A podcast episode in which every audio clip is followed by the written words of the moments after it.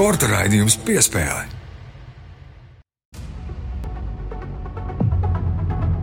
Latvijas radio pirmais kanāls, sporta raidījums piespēle, studijā Mārtiņš Kļavinieks un Māris Barks. Māri un šajā raidījumā runāsim par, nu, laikam jau eh, aizvītās nedēļas un arī vēl iepriekšējās nedēļas vienu no lielākajām aktualitātēm, kas bija, nu, nevis tieši Latvijas sportā, bet tādā Latvijas sportā un sporta politikā, laikam tā to var dēvēt. Protams, eh, nu, konkrētiem sportistiem tika eh, aizturēts vai apturēta Latvijas Olimpiskās vienības pabalsta izmaksa.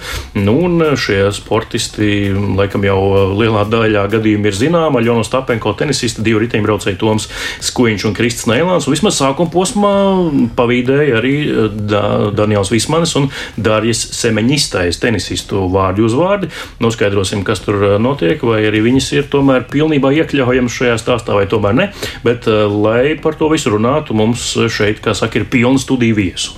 Jā, mums tik tiešām ir ļoti pilns studija. Mums pat sanāk tā, ka diviem cilvēkiem ir jādala viens mikrofons. Tik ļoti pilna ir šoreiz studija. Un uh, sāksim ar sporta pārstāvjiem. Latvijas Riteņbraukšanas federācijas ģenerālsekretārs Toms Marks ieradies pie mums. Sveiki! Tāpat mums šodien ir arī sporta žurnālists, aģentūras leita sporta žurnālists Kristaps Plāms. Sveiks! Labdien! Jā, un, nu, un tad sporta politikas pusi pārstāv Latvijas Olimpiskās komitejas juridiskā dienesta vadītājs Raits Kēselis. Sveiks, Raiti! Labu dienu! Un izglītības un zinātnes ministriju tās parlamentārais sekretārs Kārlis Strautiņš. Sveiki, Kārli! Labdien! Nu, tad ķersimies klāt šim tematam, kas bija karsts pagājušajā nedēļā, un nu, joprojām burbuļo vēl dažādas atskaņas no tā ir dzirdamas un jūtamas.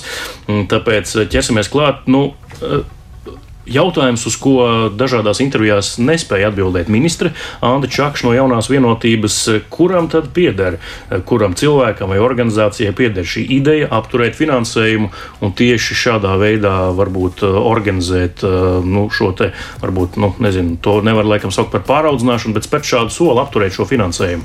Vai vispār ministrijā lokā ir zināms, kuram tā ideja uzšķīlās par šādu risinājumu? Es teiktu, ka uh, sāksim ar labo ziņu. Labā ziņa ir tā, ka situācija ir atrisināta. Protams, viennozīmīgi. Un ka viņi izdevās to tomēr, uh, varbūt ne pārāk īsā laikā, bet to tomēr mēs noteikti ar Amītu atrisinājām. Tas, tas ir labi.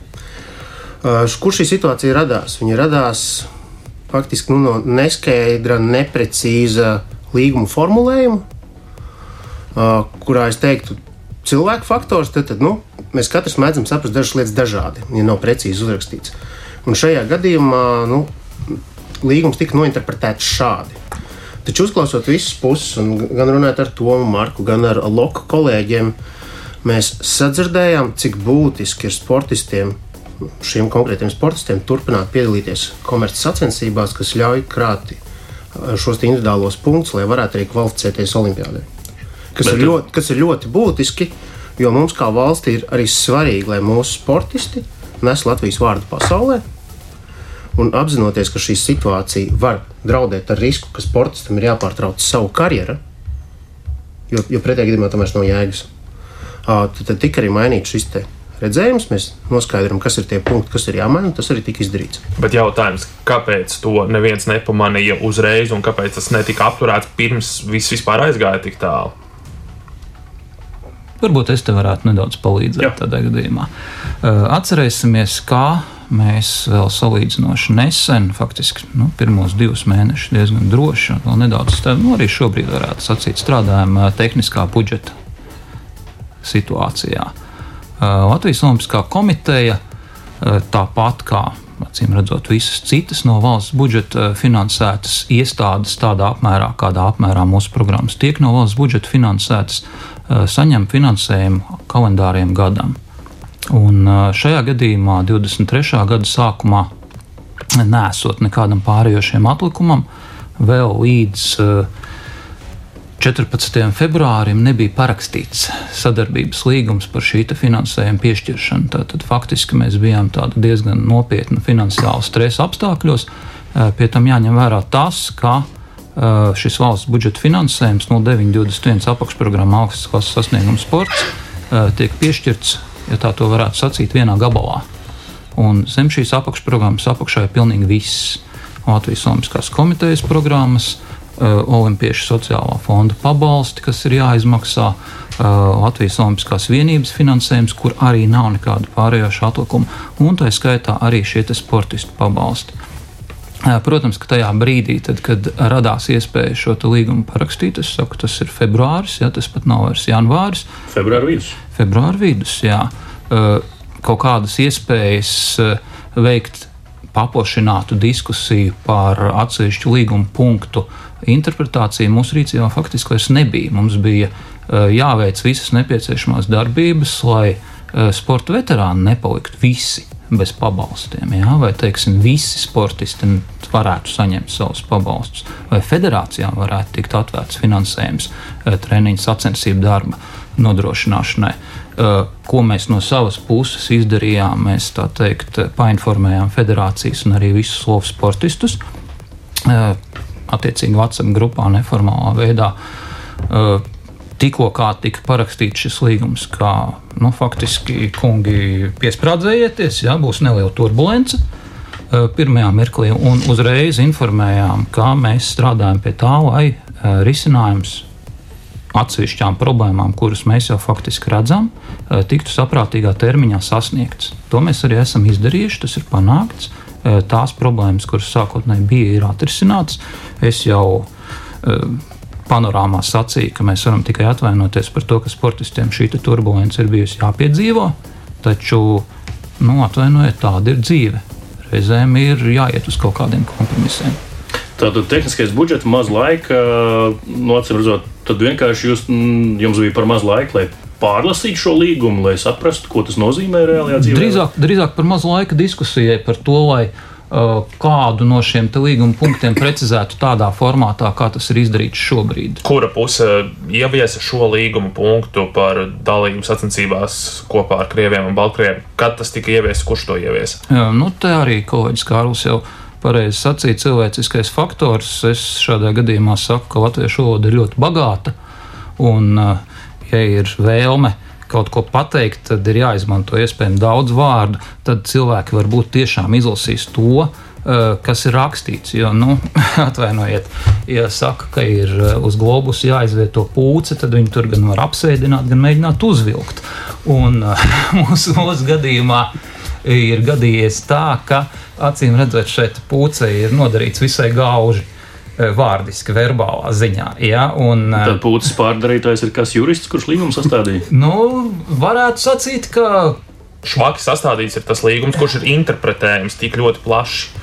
Eh, pat, pat ne tā, es pieļauju, ka, ka politiskās vadības rīkojums ir attiecībā uz uh, Eh, līguma sastādīšana un interpretēts eh, pa savām un pārlieku plaši. Līdz ar to tas līguma variants, kas nonāca pie mums un par kuru mums, kā jau es sacīju, šī laika trūkuma dēļ nebija iespējams pilnvērtīgi diskutēt, eh, varbūt bija pārlieku stingrs un pat atsaucoties uz mūsu pašu Latvijas Olimpiskās komitejas publicēto paziņojumu, kur citu starpā, protams, arī bija minēts, ka ir nepieņemami piedalīties sacensībās, kurās piedalās Krievijas, Baltkrievijas sportisti. Nu, nebija tiešā veidā nekas minēts par šādiem sportistiem neitrālā statusā, kurā tie nepārstāv savas, savas valstis.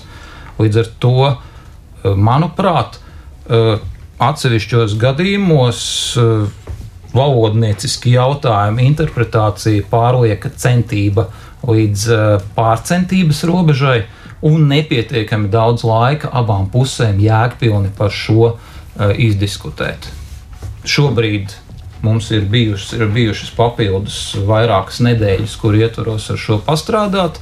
Jā, šo nedēļu laikā sportistiem ir bijušas visai nepatīkamas un nērtas situācijas, vēlreiz atvainojamies, bet uh, rezultāts ir panākts. Protams, būtu krietni labāk, ja mēs par šo visu būtu varējuši diskutēt decembrī nevis eh, februāra noslēgumā, martā. Taču atkal jau situācija ir tāda, kāda tā ir. Budžeta sastādīšanas process ir tāds, tā kā tas ir. Un arī ārējie apstākļi pasaulē uz mums negaida. Bet kāpēc jūs tad nesākāt tiešām janvārī diskutēt, labi, budžets tiks pieņemts, tad ir skaidrs, ka nauda tur būs jāsadala, bet kāpēc par līguma nosacījumiem jūs nediskutējāt jau saulēcīgi? Uh, Atkal, kā jau sacīju, mēs līgumu saņemam tad, kad mēs saņemam. Līguma sastādītājs ir Izglītības un zinātnes ministrija.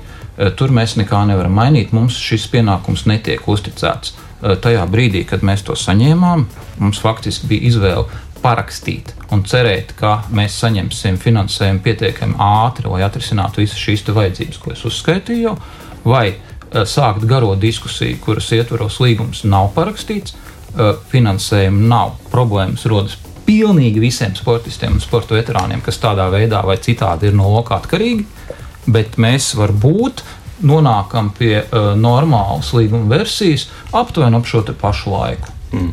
Nu, nu, viena vērtīga atbildes lūks atdzirdēt, tātad IZMs ir līguma sastādītājs, uh, tātad jūs juristi kļūdījās. Es nevaru teikt, ka kļūdījās.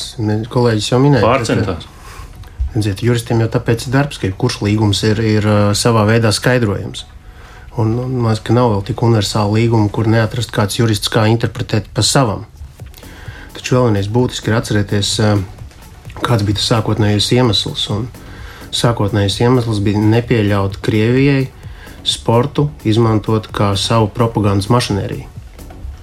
Jo mēs arī vakar Delfī diskusijā runājām. Jūs iedomājieties, ja Krievijas sportists ir uzvarējis, ar kādu gandarījumu tiek pasniegts kā Rietuma Eiropa.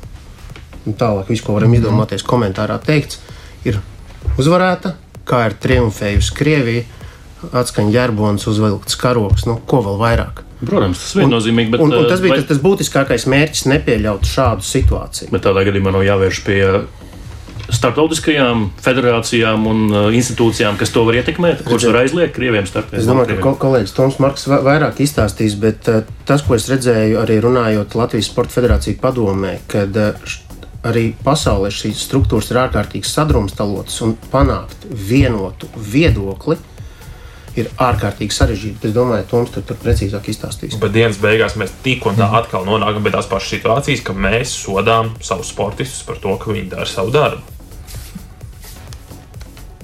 Pirmkārt, nesodām, otrkārt, divas nedēļas ir sportistiem bijušas zināmas grūtības un sarežģījumi. Treškārt, pilnīgi noteikti atbalstām sportistu šī brīža nu, diezgan plaši paustot pilsonisko nostāju. Mēs ar, ar mūsu puišiem un meitenēm lepojamies, bet uh, tas, kādā veidā šobrīd eh, mēģinam pasniegt šo situāciju, tā nekādā gadījumā nav sodīšana. Ja, tas ir eh, tehniska problēma, kas ir novērsta. Ja? Un, arī tās grūtības, kas ir bijušas, ir bijušas pārējošas. Es pieļauju, ka emocionāli šie momenti ir bijuši pat, pat ļoti nepatīkami, ja, bet atkal jau novērsts, mācāmies. Uh, situācija nav tāda, kas atkārtotos no gada uz gadu vai reizi mēnesī. Mēs tāpat ar to strādājam un tai mēģinām pielāgoties šādās situācijās gadās tehniskas ķibeles. Es tā, tā to varētu šobrīd nodēvēt. Mm.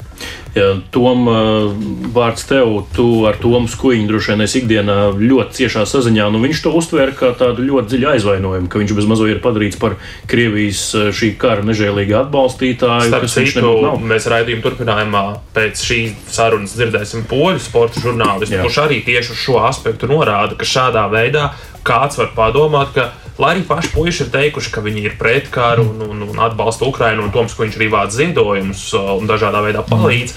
Bet kāds var padomāt, ka viņiem ir atņemta nauda, laupā balsts, bet viņš taču ir par karu, viņš atbalsta Krieviju. Ko mm. Toms tagad domā, kā viņš jūtas?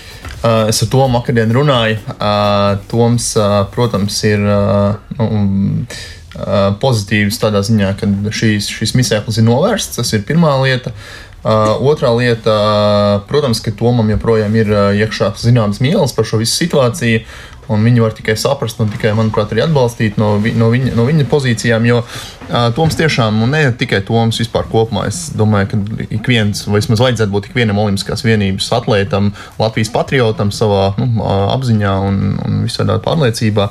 Tikai Toma atšķirība ir tāda, ka viņš to ir paudzis jau no pirmās kara dienas, publiski uh, palīdzējis, kā jau teicu. Bet šajā gadījumā tas nav būtiski. Viņš ir, ir šajā situācijā, un, protams, ka tā ir situācija, kad uh, šis pabalsts tika ieturēts, iesaldēts precīzāk.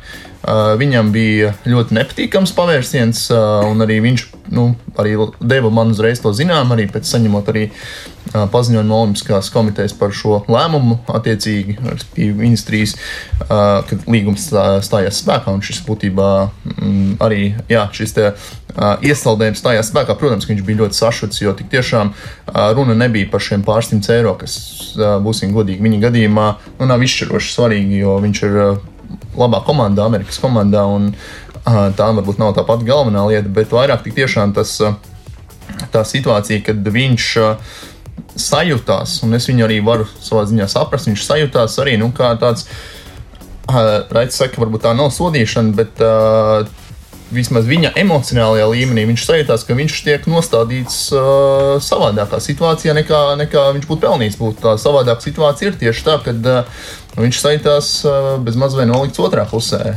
Jo jebkura lieta, jebkura lieta kas tevi nu, kaut kādā veidā nu, neierobežo, bet šajā veidā tev tiek uh, parādīta teiksim, tā, tava, tava darbība. Uh, kuru tu veicis pēc labākās sirdsapziņas, nu, kā pārstāvot savu komandu, kur bez izvēlēm, jebkādām, nestartēt kopā ar šo vienīgo Baltkrievijas un diviem Krievijas sportistiem. Uh, Uh, nu, viņš, jā, viņš sajūtās kā Krievijas, kā, kā sabiedrības attieksmē, kā Krievijas kara atbalstītājs. Mm. Es ar to arī runāju. Jā. Nu, nākamajā dienā jau sazinājos, kad šis um, publiskais paziņojums tika izplatīts, ka šis pabalsts ir iesaldēts. Un, nu, viņš tā arī teica, bet nu, riteņbraukšanā taču līdz pat gandrīz sacensību dienai nav zināms, kurš no katras komandas iziet uz startu. Tāpēc start. es nevaru tagad, nu, dažas stundas pirms starta pateikt, treneris nevaru, tur Krievs un Baltkrievs pieteikt. Mm. Mm. Tieši to pašu arī Kristis Nēlants izteica. Es arī ar Jā. viņu tajā pašā dienā, kad runāju ar to, es sazvanījos ar Kristu. Viņš arī. Es vienkārši izstāstīju no tādas praktiskās puses. Nu, teiksim, ir, uh, kurš nu, kaut kādā Tour de France paņemsim kā lielāko, varbūt tādu profesionālo notikumu riteņbraukšanā. Tu aizbrauc tik tiešām uz, uh, ir komandas publicē savus sastāvus. Uh, nezinu, viens, viens riteņbraucējs gūst kaut kādu kaut mikrotraumu. Komandām jābūt, ir, tas ir trīs nedēļas garas sacensības, tur jābūt visiem ir maksimāli labākajā formā. Uh, Un, uh, jā, viens ir notraumējies un ielika to krievu vai to baltkrievu iekšā. Nu, un to aizbrauc skuiņš, gatavojas visu sezonu. Tas viņa galvenais mērķis, viņa pamatu uzdevums. Viņš aizbrauc un redz, jā, tas krievs. Nu, viņš var pateikt, ok, komandai. Uh, es nepiedalos šajā, uh, šajā te, teiksim, te, sacensībās. Komanda viņam pasaka paldies par tavu sadarbību. Mēs, um, uh, līdz ar to viņam zūd šis kontrakts, līdz ar to ir uh, vesela ķēdīte pēc tam problēmas. Un tas ir tas, ko arī Kārlis minēja. Tādā veidā ir tik iznīcināta sportista karjera. Bet labi. Uh, prieks, ka, līdz, ka man ir tiešām prieks, ka mēs šo lietu esam sakārtojuši. Prieks arī, ka federācijā tik ieklausī, ieklausījās. Uh, jo no manas puses mums tiešām, es, es domāju, arī kolēģi zina, var apliecināt, ka mēs no pirmās dienas esam vērsuši uzmanību uz šo problēmu. Gan, ministrija, gan uz ministrijas pusi, gan uz Olimpiskās komitejas pusi. Arī žurnālistiem, medijiem, protams, esam šo lietu pauduši. Tas man liekas, tikai bija skaidrs no pirmās dienas. Mm. Dosim arī Kristapam vāru. Tagad izteikties, ko tu esi līdz šim dzirdējis un ko tu vispār par visu šo situāciju pusotras nedēļas garumā domā. To, man, šķiet, man, man, man šķiet, ka šī ir ļoti nu, smaga komunikācijas problēma. Komunikācijas starp izglītības zinātnes ministriju, loku federācijām un sportistiem. Tur noteikti varēja. varēja labāk kaut vai, kaut vai noskaidrot no tā paša Tomas Kuņa, Krista Neilanda tiešām, tiešām tos apstākļus, kādos viņi var pateikt, nē, mēs neiziesim uz startu, tāpēc, ka tur ir Krievi vai Baltkrievi. Es domāju, ka tur bija jāsāk ar, jāsāk ar tieši ar to galu, ar sporti, sportista pusi. Noskaidrot, eh, noskaidrot, noskaidrot tās nianses sporta veidam, un tad, tad attiecīgi uz tā bāzes veidot, veidot to, to līgumu par finansējumu izējums, kā uzskata, ir tāda komunikācijas kļūda notikusi vai nepilnība. Tā, tā to var skaidrot publiski. Es domāju, ka, liekas, ka kolēģis no Loka ļoti precīzi salika tos akcentus, kuros parādījās gan laiks, gan cilvēku faktors. Nu, virkni, nu, apstākļu kopsakars bija tas, kas noved pie šīs situācijas. Un tas, ko mēs varam darīt, visi ir uh, gūt no tā skolu, jeb mācību, saprotot, ka ir jākomunicē efektīvāk, kā kolēģis saka, un, un tikai sarunās mēs varam nonākt pie laba, efektīva rezultāta. Man ir prieks, ka tas ir rezultējies ar to, ka šī problēma ir atrisināta. Bet februāra sākums eh, Latvijas televīzijas raidījums, kas notiek Latvijā. Jānis Dombors vada studijā gan Latvijas Olimpiskās komitejas vadību ar eh, Žoržu Tikmeru kā ar Lēnieku, tāpat arī Jānu Čakšu no IZM. Un Anna Čakša izsaka šo frāzi, ka vajadzētu nu, vai nevajadzētu atļaut eh, Latvijas sportistiem startēt vienās sacensībās ar Krieviem un Baltkrieviem. Tad līgums vēl nav parakstīts, nav noslēgts. Jūs saņemat februāra vidū, un tur šis punkts ir iekļauts. Acīm redzot, tajā laika zonā nu, kaut kur tomēr vai nu ministri pateica, lai iekļauj, vai kaut kā tas taču notika. Nu, kur tas vispār, nu, kur mēs to graudu varam atrast, kur, kur tas radās, kur tas aizšķīlās? Ja mēs joprojām mēģinām rakt līdz, līdz tam, līdz problēmas saknei. Jā, patiesībā sakot, es neesmu pārliecināts, ka tas šajā gadījumā Un šajā konkrētajā brīdī ir mūsu galvenais uzdevums. Mēs arī, arī noteikti Luksvaru savā darbībā atrast, kaut vai runājot par, par iespējamo komunikāciju ar sportistiem, federācijām, kaut kādus trūkumus. Jo mums arī tā bija jauna situācija. Mums pēkšņi kādam ir kaut kas jāietur, un, un mēs kaut ko nevaram finansēt. Un tā nereiz nav bijis. Ja? Mēs arī bijām tādā veidā vieglā neizpratnē par to, kā šo visu izdarīt eh, gan eh, juridiski, gan arī emocionāli, morāli korekti. Eh, es pieļauju, ka mēs arī varējām labāk paveikt savu tīri komunikācijas mājas darbu ar, ar tiem sportistiem, uz ko šis viss attiecās. Taču nu, tāpat sarunas ar federācijām tika veikts, sportisti tika informēti. Mēs bijām pārliecināti un pamatot pārliecināti, ka šis jautājums tiks atrisināts. Kā jau teicu, pacietieties, mēs risinām, mēs strādājam, tas tiks izdarīts. Tas arī tika izdarīts, taču, protams, tas starplaiks ir bijis nepatīkams un kaut kādu tādu nosēdumu ir atstājis. Nu, tā teikt, karotītes ir atradušās, jā, bet, bet nu, tas, tas sirsniņās rūkums palicis. Tā, nu, tā, ar to mēs arī saprotam un turpināsim strādāt, lai šādas situācijas vairs neatkārtotos. Kontakts ar Izglītības zinātnes ministriju šobrīd, manuprāt, ir ļoti labs. Varbūt tieši pateicoties tam, ka tas ir bijis šīs situācijas ietvaros īpaši jāaktivizē, tā kā kaut ko esam arī no šī ieguvuši. Cerams, ka turpmāk mums kopīgiem spēkiem izdosies nonākt pie kompromisa risinājumiem jau pirms kaut kādu likteņu lēmīgu lēmumu pieņemšanas. Bet kas, kas tad ir šīs tad lietas? Tagad mums ir situācijas atrisinājums nācis šajā nedēļā, šīs nedēļas vidū. Kas tad ir tās lietas, kas šajā līgumā ir mainītas, kas ir tie punkti, kas ir grozīti, lai sportists atkal var tikt pie sava pabalsta? Tā tad būtiskais moments, kas uh, bija teikt, ekspresas verbas iekļauts iepriekšējā līguma redakcijā un šobrīd ir uh, pārformulēts, ir attieksme pret eh, sacensībām, kurās piedalās eh, neitrālā statusā esoši Krievijas, Baltkrievijas sportisti. Ja? Tātad bez karoga, bez himnas, bez formas, bez nekā, vienkārši vārds uzvārds. Šobrīd šāda dalība sacensībās, kurās šie neitrālie sportisti piedalās, Latvijas sportistiem vairs nekādas negatīvas sekas neizsauc. Tātad tas Iep... punkts ir izņemts ārā vai vienkārši pārfrāzēts? Viņš ir pārfrāzēts, jo gadījumā, ja e, mēs runājam par sacensībām, kurās piedalītos Krievijas vai Baltkrievijas sportisti, kas pārstāv savu valsti, mēs vēl joprojām uzskatām, ka dalību šādās sacensībās uh, Latvijas valsts nevar finansēt. Jā. Un arī piedalīties. Un arī piedalīties. Pamatā izlašu mači šobrīd tie varētu būt. Šobrīd tie nevarētu būt nevieni mači, jo. Paukošana.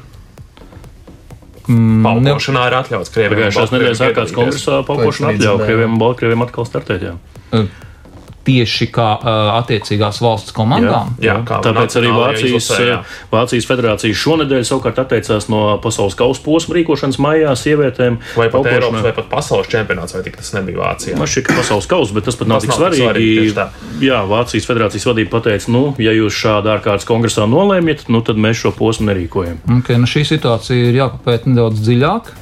Te mēs redzam atkal jau nākamo, taču šobrīd viedoklis ir tāds, kāds tas ir. Ja, Krievija, Baltkrievija ar saviem karogiem mums vienā sporta laukumā ar mūsu sportistiem nav pieņemama. Mm. Ja drīkst nedaudz papildināt, tad uh, manā ieskatā, un tas, kas mums, domāju, mums visiem kungiem ir jā, uh, kungi jāsaprot kopā, ir, ka mums katram savos ietvaros ir jāstrādā maksimāli ar mūsu tā saucamajām nu, mātes organizācijām. Mūsu gadījumā tā ir Startautiskā riteņbraukšanas savienība, Olimpiskās komitejas gadījumā tā ir Startautiskā olimpiskā komiteja. Ministrijas gadījumā tā, protams, ir jāsako līdzi, ko dara citas arī citas ministrijas un citas spo, sporta atbildīgās ministrijas. Jo, nu, būsim godīgi, tas, ko šobrīd Startautiskā olimpiskā komiteja uh, ir publiski paudusi iepriekš, un ko mēs visi, es domāju, šeit nosodam šo nu, virzienu, uh, lai es tiekšos uz Krievijas, Baltkrievijas sportistus pāries arī uz starptautiskajām federācijām. Paukošanas gadījums ir pirmais. Riteņbraukšanas gadījumā Starptautiskās riteņbraukšanas savienības prezidents arī Francūzes. Uh, kurai ir kāds lasīja ar interviju ar Toms Kuņu, uh, tad Toms arī teica, ka viņam ir uh, nu, diezgan liels ambīcijas būt arī Sokā vienā no vadošajiem amatiem. Līdz ar to viņi diezgan šobrīd radnieciski darbojas arī SOKA, SOKA kā teikt, un būsim godīgi arī finansiālā ziņā. Lielās starptautiskās federācijas ir ļoti, vispār Olimpiskās federācijas pietiekami atkarīgas arī no SOKA tieši finansē, finansiālā dotācijas. Tāpēc mūsu uzdevums, ka es darīšu, turpināsim to pozīciju stingri starptautiskā riteņbraukšanas savienībā, bet mums ir jādara viss, lai SOKS, arī Starptautiskā olimpiskā komiteja, neļauj šiem Krievijas sportistiem atgriezties kā savu valstu pārstāvjiem. Mēs negribam neviens redzēt viņus tur Olimpiskajās spēlēs, negribam redzēt pasaules Eiropas čempionātos un tā tālāk. Bet, uh, redzot un arī klausoties, kas notiek mūsu kongresā, Eiropas Riteņbraukšanas Savienības kongresā, ja tā pozīcija mums bija ļoti liela, mums ir ļoti liels bloks Ziemeļvalstu grupai, kur mums ir skaidrs pretnostatījums jau kādām Krievijas un Baltkrievijas sportistu dalībām, arī pat neitrālā statusā viennozīmīgi. Uh, bet uh, nu, mēs neesam vienīgie starp simtu. Uh, riteņbraukšanai 130 pāri valsts, kas ir uh, starptautiskajā šajā organizācijā. Un, uh, nu, būsim godīgi, tas, kas notiek Āfrikā, Āfrikā, Azijā, arī atsevišķas Balkānu valsts, tas viedoklis ir, nu, nav tāds kā mums. Un, ja tas būs uz balsojumu, tad man ir pamatots bažas, ka uh, viņi varētu tikt pielaist klāt. Tāpēc uh, jāstrādā. Nu, tāpat arī Sokā gadījumā. Arī Sokā jau ir valsts, kurā kur šo ģeopolitisko situāciju pavisam savādāk uztver un mm. ir, ir citā, citā noskaņojumā. Tā, kā, nu, tā, situācija, tā situācija man rada vislielākās bažas. Tāpēc es arī to, ko es arī teicu iepriekš, mums ne, mēs ne, nevajadzētu izvēlēties tā saucamo vieglāko ceļu respektīvi savu sportistu. Nu, kaut kādā veidā šād, šā, šis regulējums nebija pareizais, bet mums ir jākoncentrē spēki uz lielākām lietām. Jā, nu, to arī starp citu Krievijas paukošanas federācijas vadītājs izteicās, kad Vācija atteicās šo posmu rīkot. Sacīja, nu kā, nu labi, jūs negribat, ir pasaulē tik daudz valstu, kuras gribēs rīkot, un, un lai mēs piedalāmies. Bet, um, Kristap, tu kā žurnālistikas uh, profesionālis, uh, nu, kā tu to redzi no tāda nu, pasaules ažiotāžas mēroga un tāda viedokļa? Jo, nu, Aļona Jostapenko uzdeva jautājumus arī starptautiskajos turnīros. Arī lielie tenisa mēdīji analizējuši. Jā, arī lielie mēdīji ar lieliem skaļiem virsrakstiem to atspoguļoja atspoguļoja, ne tikai um, arī riteņbraucēju stāstu atspoguļoja. Kā tu to saredzi un vērtē? Nu, tas, tas tomēr izskanēja skaļi un plaši. Vai plaši, nu nezinu, bet nu, tas izskatās, izklausās ļoti nesmuki no malas katrā gadījumā šī attieksme. Jo tas, jo, jo jāsaprot, nu, ka tā nauda tas, tas nav viņiem nec, nec kaut kāds uh, īpašs palīgs viņa ikdienas gaidās. Tas ir, nu, kā, jau, kā jau es minēju, tas ir komunikācijas līdzeklis starp valsti un sportistu. Un vienā brīdī, nu, kad tu norauj šo komunikācijas līdzekli, tad, tad sportists, acīm redzot, jūtās, jūtās tā, nu, kas ir, nu, es, es vairs nepiedaru šīs valsts vērtībām, es vairs viņus nepārstāvu, ja es, es vairs neesmu neesmu. Neesmu vajadzīgs, un, un, un, un, un no ārpuses tas noteikti izskatās tā, ka uh, valsts uh, saviem sportistiem, saka, uzliek tādu zīmogu. Jūs, tur, jūs tagad startējat kopā Krievijas un Baltkrievijas uh, riteņbraucējiem, tenisistiem. Jūs, jūs esat tie sliktie, nevis, nevis tā federācija, nevis UCI, nevis VTA ir tie sliktie, bet jūs esat tie sliktie, ka, ka jūs tā dariet. Mm. Jā, paturpinot šo tēmu, Tom, uzreiz jautājums arī tev. Skaidrs, ka ne Aļonai, ne abiem riteņbraucējiem tā ir kabats nauda, sīk nauda. Viņiem šeit pārsimt eiro, Aļonai 1700 eiro. Tas nav no svara. Tā nauda nav tik liela, lai viņi tur pārāk apbežotos par to. Bet skaidrs, ka visa šī situācija, kā arī tu minēji, ko Toms Kuņš teica, ko Kris Nēlans ir teicis, kaut kādas aizvainojums ir. Un jautājums ir par to, vai kādā brīdī, tavuprāt, sportists nevar pateikt, atcerēties šo visu un pateikt izlasē nē. Jo atceramies to pašu stāstu par Emīlu Liepiņu pagājušajā gadā Austrālijā, ka Toms un Kristis atdeva savu naudu, lai viņš varētu tur aizbraukt. Uh, es domāju par šo situāciju zinot džekus, zinot sportistus, pazīstot viņu personības, viņi ir tik tiešām lieli Latvijas patrioti un viņi būs ar Latviju kopā. Un tie, kas redzēja arī Tomu komunikāciju, un Tomu varbūt to pirmos emocijas, kad viņš nevis tā vietā, nevis lai tur meklētu un kaut ko sūdzētos, bet viņš domāja, nu, ja tas, ka tas finansējums attiecīgi tiks atsaldēts atpakaļ, un šīs lietas viņš nemeklēja iemeslus tur kaut ko tādā veidā sūdzēties vai nedod Dievs vēl mainīt kaut kādas pilsonības vai, vai, vai, vai vēl kaut ko. Tādā ziņā es bažas neredzu. Tas, kas, protams, mums visiem kopā ir jādomā, jā, puikas sevi var nodrošināt ikdienā, bet tās izlaša lietas ir arī federācija ļoti, ļoti liela izaicinājuma priekšā. Atceroties arī pagājušo gadu un redzot šī gada neziņu, es domāju, arī Raits piekritīs, daudzas lietas vēl joprojām nav zināmas. Jā, mēs šobrīd uh, bija arī kaut kāda naudas daļa, ko mēs saņēmām no Olimpiskās komitejas, kas bija šī valsts meža, uh, ko mēs nevaram izmantot tieši izlašu darbam lielā mērā. Šobrīd šādu finansējumu mēs neredzam. Uh, tāpat arī ir Olimpiskās vienības finansējums, kurš primāri uh, ir uh, mūsu gadījumā jau pārlikts, uh, ja pēc pagājušā gada arī teiksim, tādās situācijas un pieredzes ir pārlikts primāri uz izlašu darbu nodrošināšanu tieši pasaules Eiropas čempionāti. Jo gluži vienkārši pie šīs, nu, būsim godīgi, lika, uh, arī nodokļu sistēmas piesaistīt tiešām sponsorus, īpaši jau jaunatnes izlasē. Nu, tas ir diezgan smags darbs. Un es redzu, nu, nevis smags darbs, bet es redzu, kā iet citām federācijām, un mēs neesam tur vienīgie kaut kādā ziņā slikti. Mm. Uh, tad vēl jāprecizē, nu, noslēdzot šo garo stāstu par un ap šo pabalstu iesaldēšanu, pēc tam atjaunošanu. Droši vien Raitam jautājums uh, parādījās sākotnējā paziņojumā arī vēl divas tenisistas. Tātad Daniela Vismana un Darja Semeņistaja. Vai viņas arī tur tomēr tika zem tā iesaldējuma vai nē, jo beigās tomēr viņu vārds uzvārds nebija. Te acīm redzot, lai kā man negribētos, man tas stāsts jāpavelk nedaudz plašāks un jāpastāsta par to, kā tad faktiski notiek Jā, pabalstu izmaksa, kas šajā sistēmā ko nosaka un pamatojoties uz kādiem noteikumiem tas vispār mm. notiek. Tas, ko mēs šeit tā omulīgi dēvējam par lovu pabalstiem, ir pabalstu apjoms, ko pēc Sporta veidu federācijas norādījuma Latvijas Olimpiskā komiteja izmaksā attiecīgiem lovu sastāvos e, esošiem sportistiem, sportistēm no federācijai vispār kopīgi pieejamā katla, kopējā pieejamā finansējuma apjoma. Šis te kopējais pieejamais finansējuma apjoms lovu sportistiem veidojas no tā, e, cik daudz attiecīgi zelta, sudraba, bronzas sastāvu kvotu ir konkrētajai sporta veidu federācijai. Saskaitām attiecīgi atbilstošos 32, 16, 8 tūkstošus kopā pareizinām ar attiecīgajiem koeficientiem, tātad cik nu to kvotu vietu tur ir, iegūstam kopējo apjomu.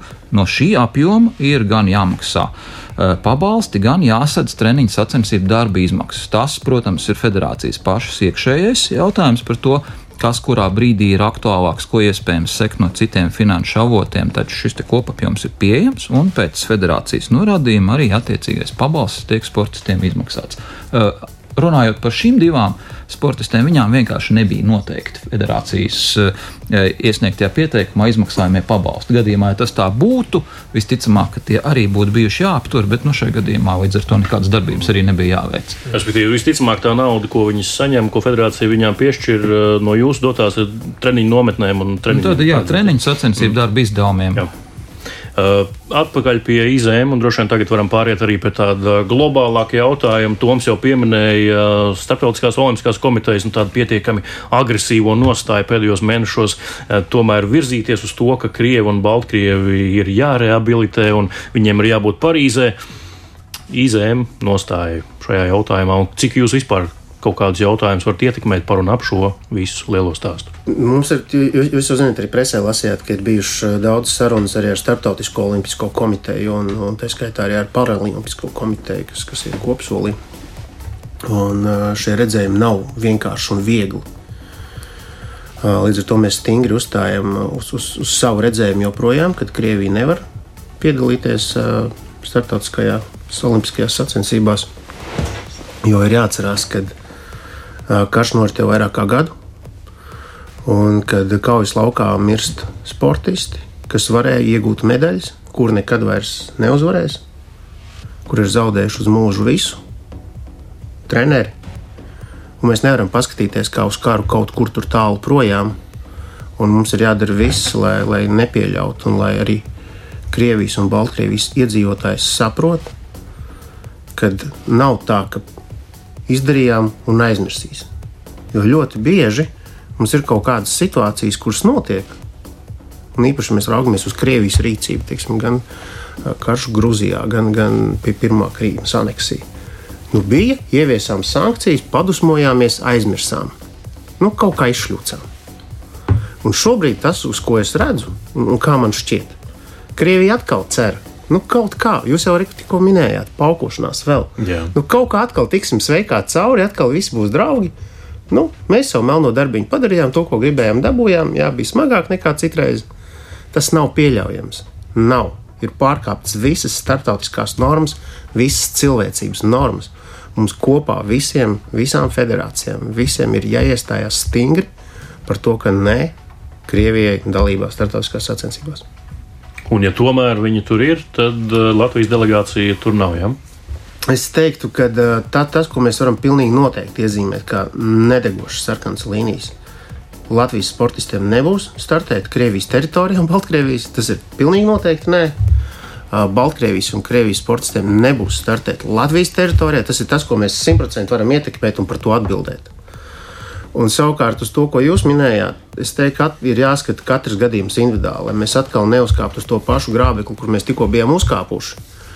Pateikt, šis vairs nav spēkā, mēs nevaram, jo ļoti būtiski ir tiešām ieguldīt darbu, lai nepieļautu, kā jau minēju, agresoru valsts startēšanas starptautiskās sacensībās, bet nāks situācija, un mēs iespējami īsā laikā to atrisināsim. Un es domāju, ka šī brīža situācija parādīs, ka mums ir kapacitāte to atrisināt. Ka tas nav tikai tukšs solījums, Mēs solījām atrisināt īsā laikā, mēs to izdarījām. Kā šobrīd ir ar šo koalīciju, ko veido Polija, kas ir bijusi tāda nu, līdervalsts šajā visā stāstā, Polijas sporta un turisma ministrija, un arī tieši viņu ministrs ir ļoti strikt izteicies un runā par tādas lielākas koalīcijas veidošanu, lai nepieļautu Krievu un Baltkrievu startēšanu Parīzē. Cik daudz tur kaut kāda virzība ir bijusi un uh, cik nopietni tas izskatās? Es teiktu, ka mēs esam tiešām sazobē ar partneriem. Mēs arī cieši sadarbojamies arī ar, ar Ukraiņas pusi, lai, lai saprastu viedokļus un, un tiešām turētos kopā. Un, un mūsu nostāja, līdzīgi kā es minēju, iepriekš darīt visu, lai nepieļautu, ka Krievija var startēt starptautiskās sacensībās. Cik valstis ir šādā koalīcijā, ko poļu veidā? Es šobrīd nepateikšu. Vairāk kā viena Polija un vēl valsts. Jā, droši vien ir Baltijas valsts, Ziemeļvalsts. Es, es zinu, ka, ka divas nedēļas atpakaļ Pol, Polijā bija startautiska tikšanās.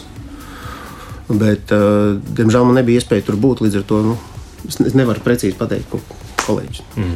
Jā, nu, mēs te esam pie mikrofoniem, varbūt kā raidījuma vadītāji, kā žurnālisti izcēlušies šīs sarunas laikā. Mēs ar Māru, bet Kristap, varbūt tev arī kāds jautājums studijas viesiem. Jā, nu jautājums ir par šīm te jau iepriekš minētajām koalīcijām droši vien izglītības zinātnes ministrijai, gan arī Toms varēs varbūt mani vairāk kaut kā papildināt vai, vai atbildēt uz šo jautājumu. E, cik šādām te valstu koalīcijām ir iespējas izdarīt kaut kādus e, spiedienus uz starptautiskajām federācijām, uz organizācijām, uz UCI, VTA, to pašu Nacionālo hokeja līgu? E, ja jūs tur ļausiet krieviem startēt, mēs darīsim to un to. Mm. Es varbūt iesākšu riteņbraukšanas gadījumu. Tad, tad mēs aktīvi darbojamies Ziemeļvalstu riteņbraukšanas asociācijā, kur kopā ir astoņas valstis, vēl bez uh, Lietuvas, uh, Igaunijas, Somijas, Zviedrijas, Dānijas, Norvēģijas, arī Īslande. Uh, mēs esam jau no paša, paša kara sākuma. Pirms gada, tieši martā, bija kongress Eiropas Rītdienas Savienības kur tieši mēs pieprasījām, lai tiktu atstādināts visas Krievijas komandas, kas bija reģistrētas, kas jau to brīdi brauc, lai tiktu atstādināti visi mm, U. UCI un UEC tā saucamā boarding, jeb attiecīgi menedžmenta cilvēki, kas bija no Krievijas un Baltkrievijas. lai tiktu atstādināts visas Krievijas, Baltkrievijas izlases no jebkādiem izlašu pasākumiem. Tas, ko neizdevās tajā pirmajā piegājienā atrisināt, protams, ir šos te divu Krievijas, vienu Baltkrievijas sportistu un arī citu vēl, kas ir mazākā UCI līmeņa komandas sportistu attiecīgi atsaukšana no komandām, jo viņiem bija spēkā esoši līgumi attiecīgi. Un tur jāņem vēl vērā arī tā lieta, kad, tā lieta, kad vismaz riteņbraukšanā profesionālajā sportā šis UCI pasaules tūri, viņiem ir savs tas. Uh, regulējums, viņiem ir sadarbība tikai ar UCI, respektīvi, kā ar Startautisko riteņbraukšanas savienību, bet viņas kā komandas ir nu, atsevišķi, atsevišķi darbojas. Tas īpatsvars, lai vienkāršāk saprastu, starp 1200 profesionāliem sportistiem, tad šobrīd ir divi Krievijas un viens Baltkrievijas atlētājs. Līdz ar to par tādu ietekmi un pie tam arī šie sportisti, vismaz Baltkrievijas sportisti, ir izteicis vēlēšanos kārtot Latvijas pilsonību. Viņiem ir tāda vēlme, tas būs varbūt arī vēl cit, citam stāstam. Pastāst uzreiz sīkāk, ja jā. Aleksandrs, Aleksandrs Ribušenko ir tas Baltkrievijas atlētājs, uh, kurš uh, arī nav mierā ar to, kas notiek globāli. Viņam nepatīk tā situācija, kas ir, kur viņa valsts ir iesaistījusies.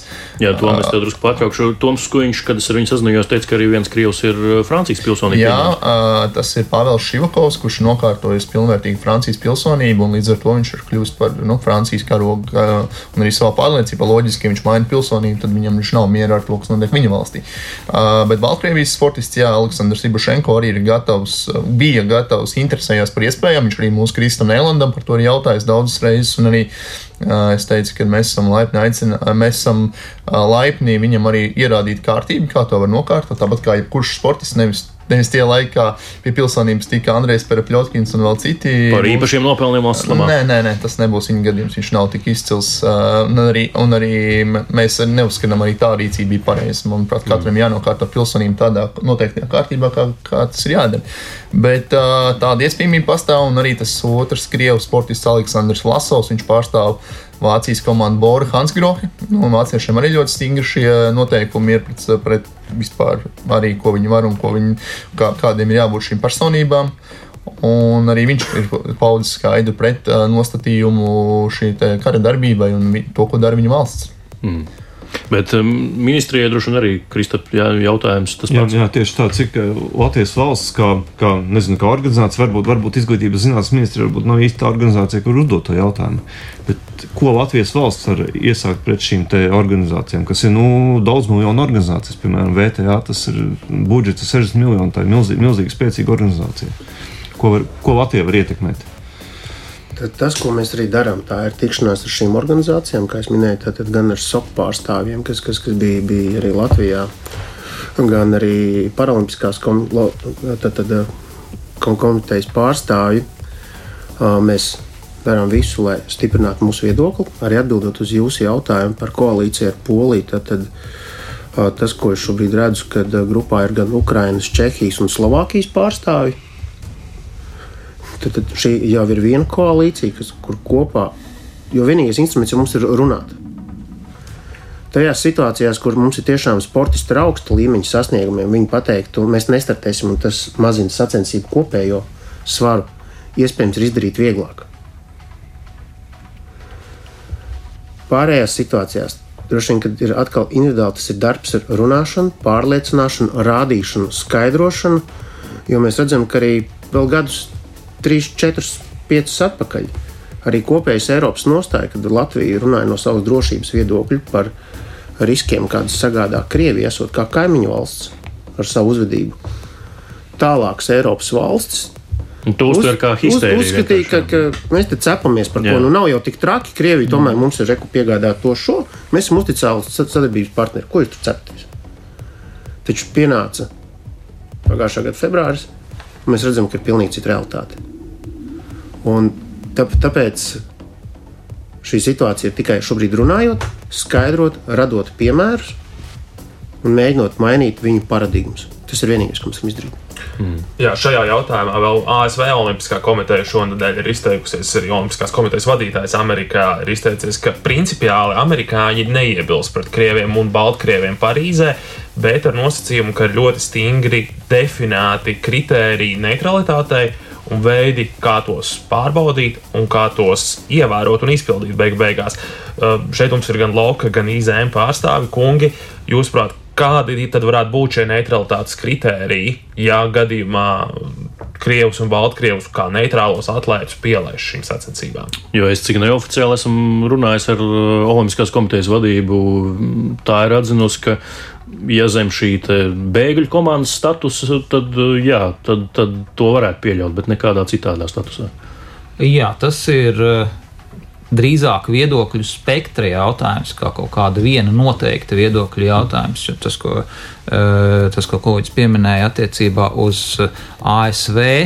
Eh, Olimpiskās komitejas pausto viedokli pieļauju, ka diezgan līdzīgs varētu būt šobrīd arī Kanādas Olimpiskās komitejas viedoklis. Tāpat laikā Lielbritānija, kas ir otrs tāds lielais, varētu teikt, viedokļu centrs Eiropā, varētu būt krietni kritiskāki pret šo jautājumu. Ko saka Austrālija? Tomēr arī kā viena no nākamajiem rīkotājiem, tāpat Ķīna, Japāna arī ietekmīgas valstis.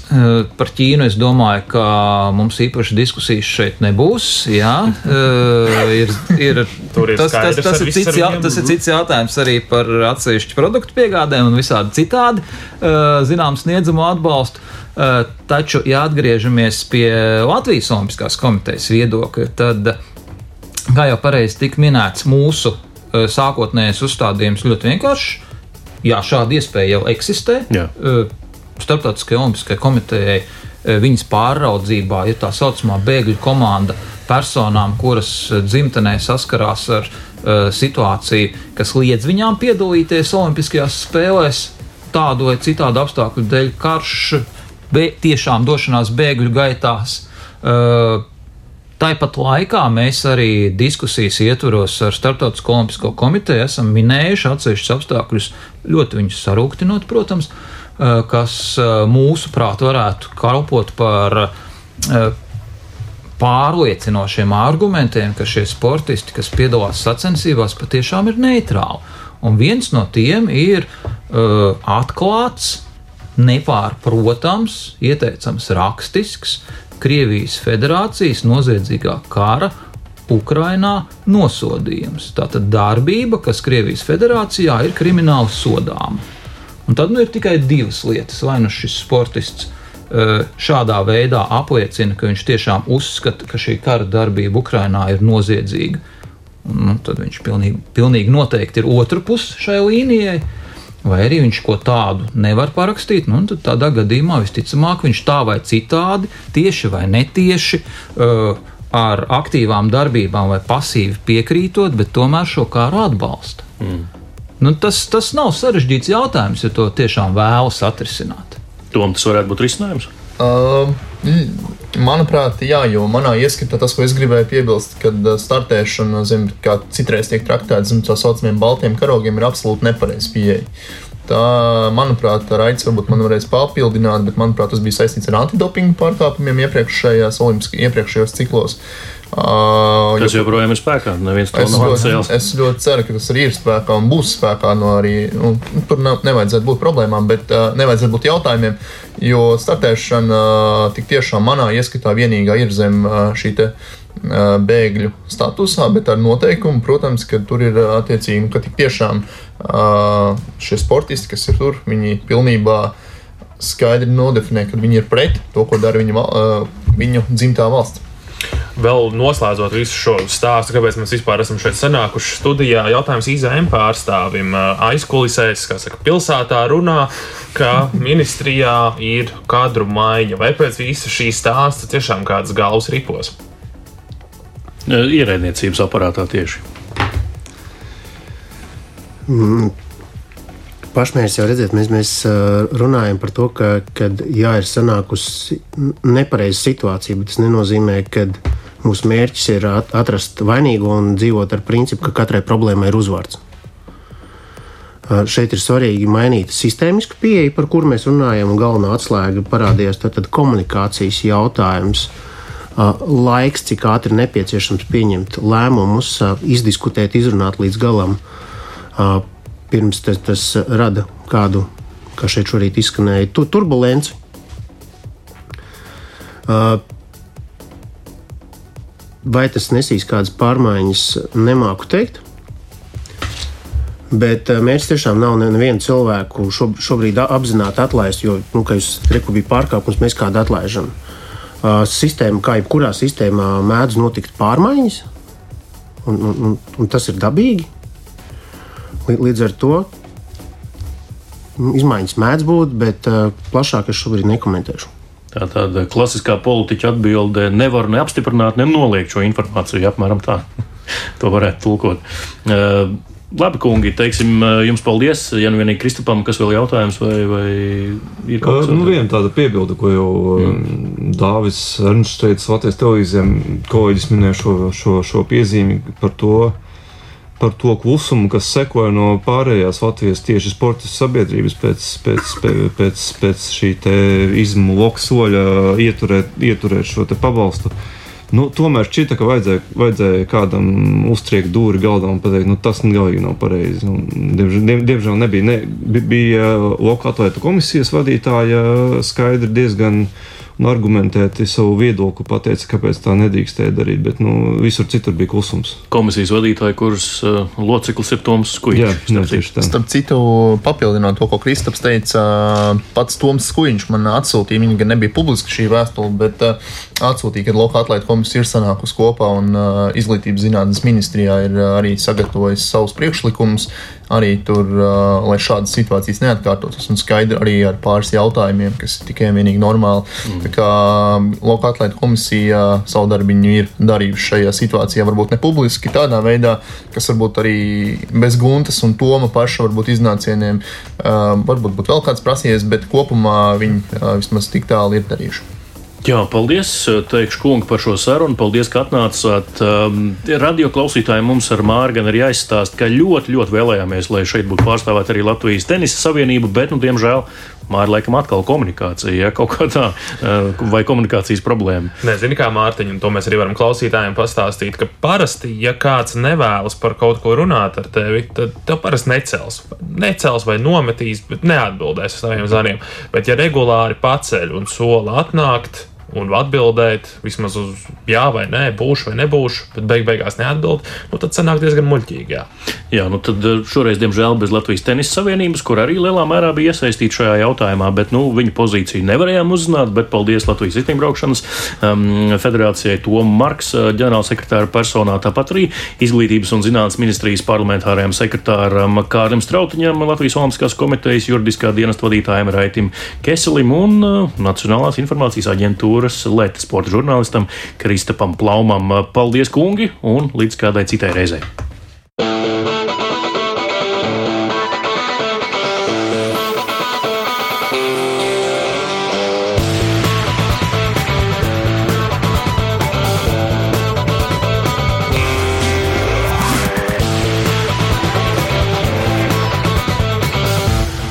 Sporta raidījums piespēlē.